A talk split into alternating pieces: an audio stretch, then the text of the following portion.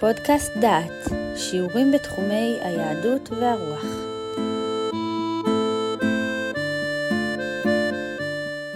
ברוכים הבאים לפודקאסט דעת, לקורס ירמיהו ותקופתו.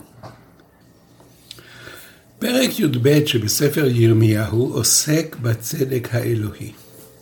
ירמיהו שואל על צדק זה, ואנו ננסה להבין את טענות ירמיהו. שאלה ראשונה, מדוע דרך רשעים צלחה? תפילתו תלונתו של ירמיהו כנגד דרכי ההשגחה של השם את העולם מתקבלת על ידינו כדבר מובן מאליו. גם אנחנו מפעם לפעם מתלוננים על דרכי השם, ורואים עצמנו כהולכים בדרכיו של ירמיהו. בחינת דברי ירמיהו תיאלץ אותנו לקבוע עמדה במספר בעיות פילוסופיות כבדות משקל. ירמיהו שואל, מדוע דרך רשעים צלחה? אם נפרט את טענותיו ונוסיף להן נופך מחיינו, אז ננסח את השאלה כך: אין זה מן הצדק שפלוני יקבל שכר או יצליח, ואלמוני ייכשל. הצדק דורש כי יהיה ההפך. וכאשר אנו נשוא התלונה, אנו מנסחים את הדברים בניסוח פשוט עוד יותר. לא מגיע לי שיקרה לי כך וכך. נעצור לרגע ונשאל, מדוע אין זה מן הצדק שפלוני יקבל מה שקיבל? איזו הנחה אנו מניחים כאשר אנו אומרים משפט כזה? ההנחה היא פשוטה. א', טוב שווה נעים. או עשיר, או מכובד, או מצליח בחברה. אם אדם מצליח, זה טוב, ואם אדם נהנה, זה טוב. הנחה שנייה, אני יכול לזהות מה שטוב לאדם, ואני מצפה שגם הקדוש ברוך הוא ינהל את העולם על פי הזיהוי שאני זיהיתי. אם אני מזהה מישהו כצדיק, אני מניח שאומנם הוא צדיק. ואני מצפה שהקדוש ברוך הוא ינהג על פי הכללים ההגיוניים בעיניי, ייתן לו דברים טובים, ולהפך יקרה במקרה של רשע. ועכשיו נהפוך את נקודת המבט ונבחן את המאורעות מנקודת מבטו של הקדוש ברוך הוא. הקדוש ברוך הוא על פי הגדרתו הוא טוב וחכם, הוא מיטיב ודינו אמת. אם כך, יכול אני לומר משפט כזה: אם הקדוש ברוך הוא הביא על אדם סבל, או עוני, או מחלה, הוא צודק, שהרי הקדוש ברוך הוא אינו עושה מעשה שאיננו צודק, או שאינו חכם, או שאינו טוב. אם כך הם פני הדברים, אני יודע מה טוב ומה רע, לא על פי ההנחות שהנחתי, אלא על פי מה שראיתי בשטח. אם לפלוני קשה, סימן שזהו הטוב לו, שהרי הקדוש ברוך הוא הביא לו את הקושי. ואם אלמוני עשיר, סימן שזה הטוב לו, כי הקדוש ברוך הוא נתן לו את עושרו. ועכשיו נשוב לשאלתו של ירמיהו הנביא, ונראה אם היא עומדת במבחן הגישה ההפוכה שהצגנו, במבחן המציאות מנקודת מבט של מעשה האלוהים. ירמיהו שואל, מדוע דרך רשעים צלחה? ובבסיס דבריו ההנחה, הרשעים צריכים לסבול ואין הם סובלים. אין זה צודק. לפי הדרך שבה העמדנו את הדברים, אין שחר לשאלה הזאת. אם השם נתן לרשעים הצלחה, סימן שזה הטוב. לעולם, לחברה, לעתיד, להם. ומה טוען ירמיהו? כי הוא יודע שאין הדבר כך? וכי הטוב הוא שיהיה להם רע, אנחנו מבחינים שנכנסנו למלכוד, ויש צורך לפרק את המוקש שהפעלנו בהיפוך נקודת המבט. נחזור ונגדיר את שתי נקודות המבט, והפעם במונחים פילוסופיים. אני יכול לומר כי כל מעשי השם נעשים בחוכמה ובצדק. האמירה הזאת כוללת הנחה סמויה נוספת. אני יכול לזהות את החוכמה ואת הצדק, שאם לא כן, אין משמעות לאמירה הזאת. אני יכול לומר כי פלוני מצייר ציורים יפים אם אני עיוור. אם אני אומר שמעשה השם הם בחוכמה, אני חייב להיות מסוגל לזהות את החוכמה הזאת. ניסוח אחר, חוכמתו של הקדוש ברוך הוא ושלי הם מאותו סוג. לא באותה רמה, אבל באותו סוג. לא ייתכן שדבר שבעיניי הוא טיפשות, הוא חוכמה אלוהית. על בסיס זה שאלתו של ירמיהו הנביא. איך ייתכן, שואל ירמיהו, שהשם עושה דברים שהם נראים בעיניי לא צודקים? יש צדק, והצדק אחד הוא. ואם אני רואה שהשם עושה מעשים לא צודקים, אני מבקש הסבר. נעבור עכשיו לגישה השנייה שהצגנו אותה, כבחינת המאורעות מנקודת מבטו של הקדוש ברוך. אמרנו, אם השם עושה דבר, סימן שזה צודק, כי השם עושה הכל בחוכמה. הנחה כזאת מתחילה את הדיון ממעשי השם. גישה זו מניחה כי כל מה שיעשה השם יהיה צודק. במילים אחרות, רצונו של הקדוש ברוך הוא הופך את המעשה לצודק. ואם השם יגרום סבל לצדיק, יהיה זה מעשה צודק. כי השם הוא שעשה זאת, וכל מעשי השם וכל רצונו הם מעשים צודקים. עכשיו נקרא לשיטות האלה בשמן.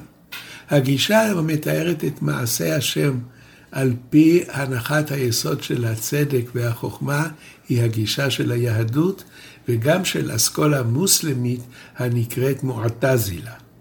הגישה האומרת שהכל לפי הרצון, לפי רצונו של הקדוש ברוך הוא, וכל הנעשה ברצונו הוא צודק, זוהי גישה של אסכולה מוסלמית הנקראת אשריה. גישות אלה הגיעו אלינו, לא קשה לנחש, דרך מורה הנבוכים של הרמב"ם.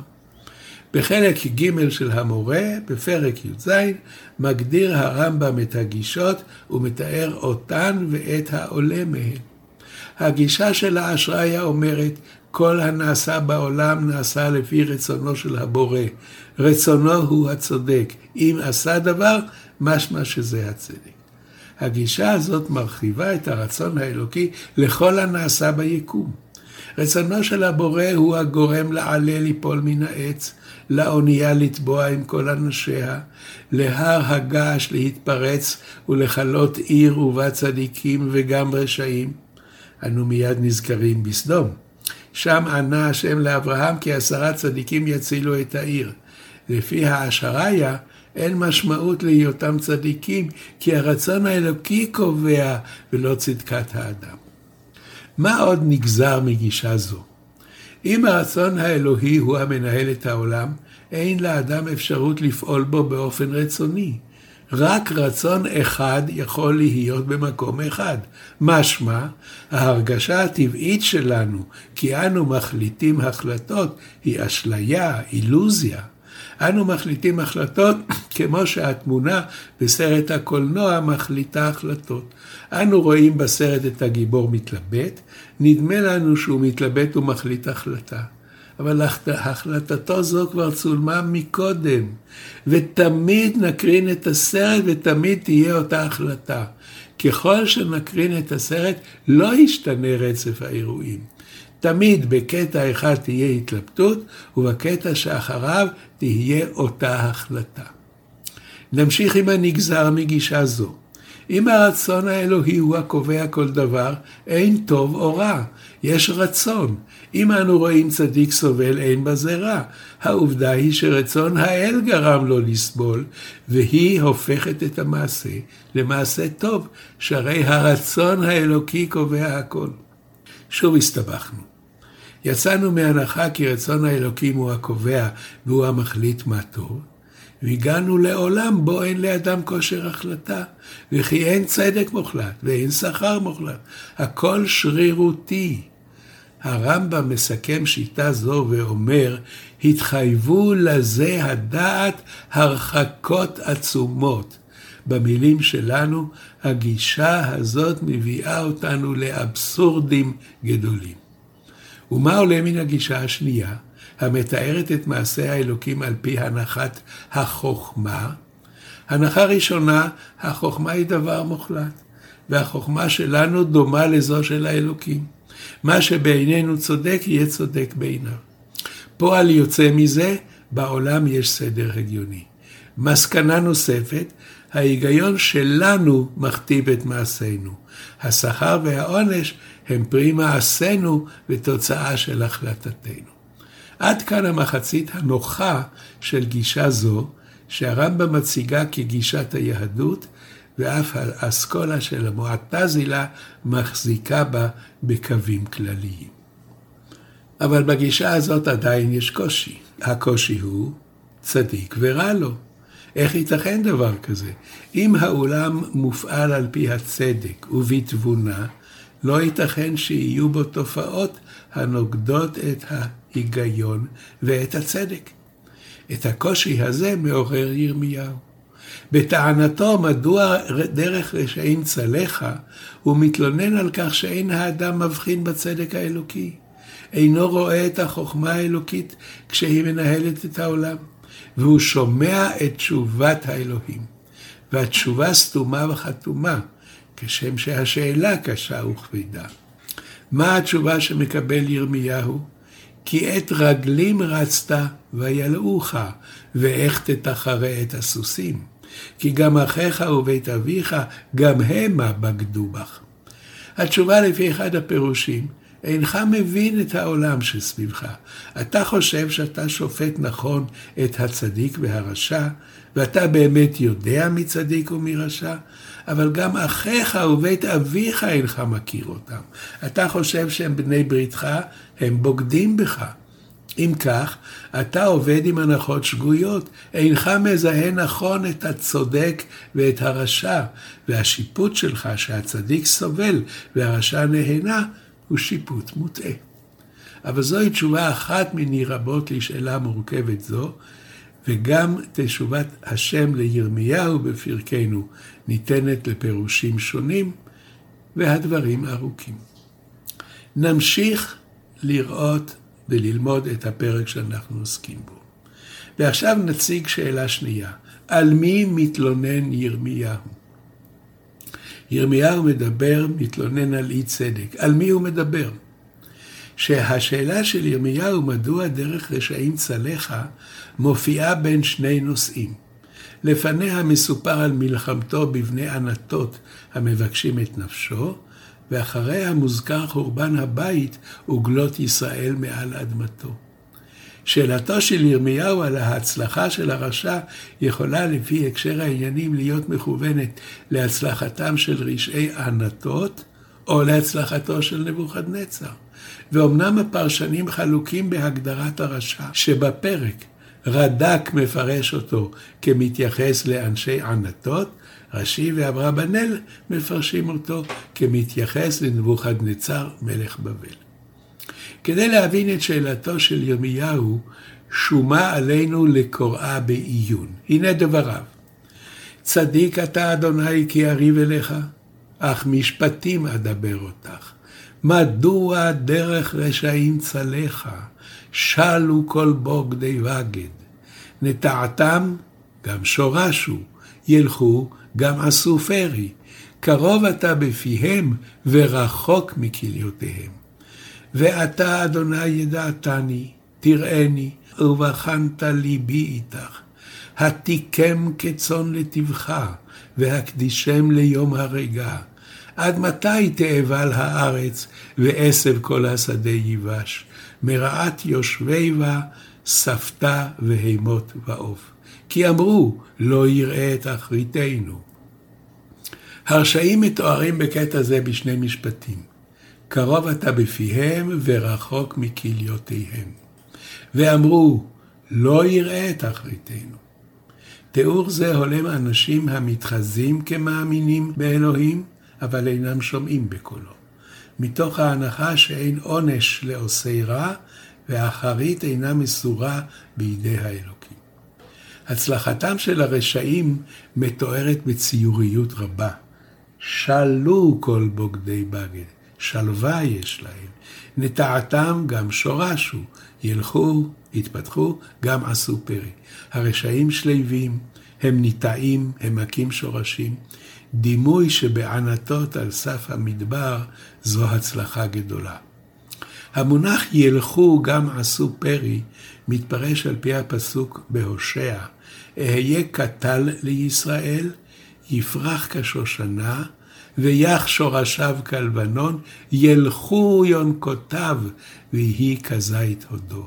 הגידול המהיר של הצמח מתואר כהליכה.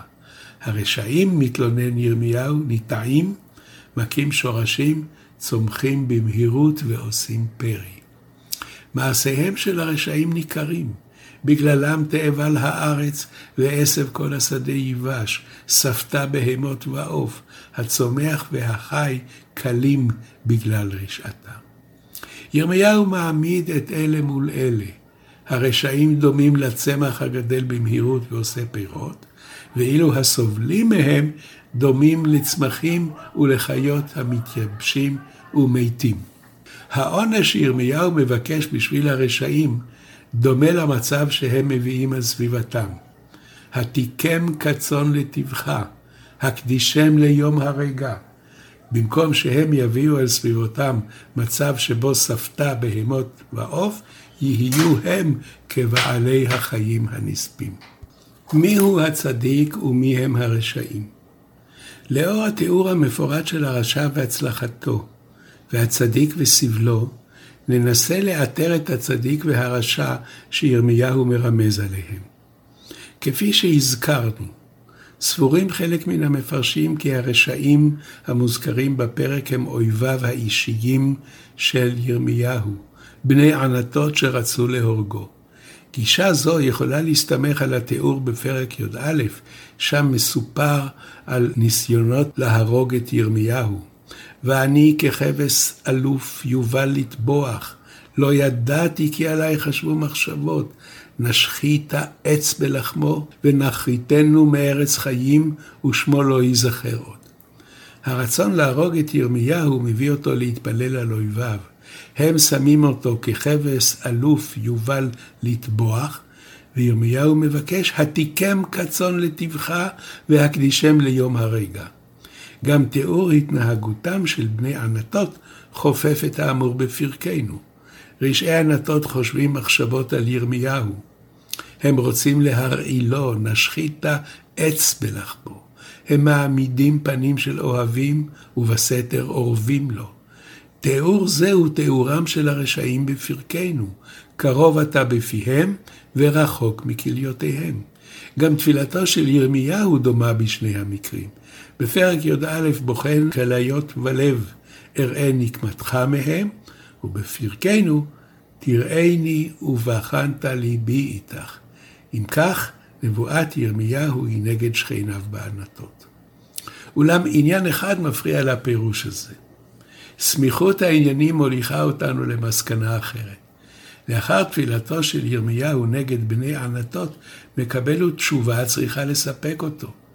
בתגובה לבקשה, אראה נקמתך מהם, משיב השם, הנני פוקד עליהם. הבחורים ימותו בחרב, בניהם ובנותיהם ימותו ברעב, ושארית לא תהיה להם. ובתגובה לדברים אלה טוען ירמיהו, מדוע דרך רשעים צלחה? איזו שאלה זאת? הרי כבר הובטח שיענשו ושארית לא תהיה להם. סדר הדברים הוליך אותנו למסקנה האחרת. נבוכדנצר הוא נושא הפרק. לאחר ששומע ירמיהו את נבואת הזעם על אנשי ענתות, מתחיל הוא להתפלל עליהם ולבקש בעדם. הפעם מבוססת תפילתו על הטענה כי נבוכדנצר אינו ראוי להרוס את יהודה. כדי שבחורי ענתות ימותו בחרב, צריך נבוכדנצר לנצח. וירמיהו מתלונן על הרצון לתת את הניצחון ביד האויב. תפילתו נגד הרשע היא גם תפילה בעד אנשי ענתות. וגם תפילה זו מתקבלת. ובסוף הפרק שומע ירמיהו תשובה לבקשה השנייה. כה אמר אדוני על כל שכניי הרעים הנוגעים בנחלה אשר הנחלתי את עמי את ישראל, הנני נוטשם מעל אדמתם ואת בית יהודה אטוש מתוכם. שמעתם שיעור מתוך הקורס ירמיהו ותקופתו, מאת פרופסור יהודה אייזנברג. את הקורס המלא וקורסים נוספים ניתן לשמוע באתר דעת במדור פודקאסט.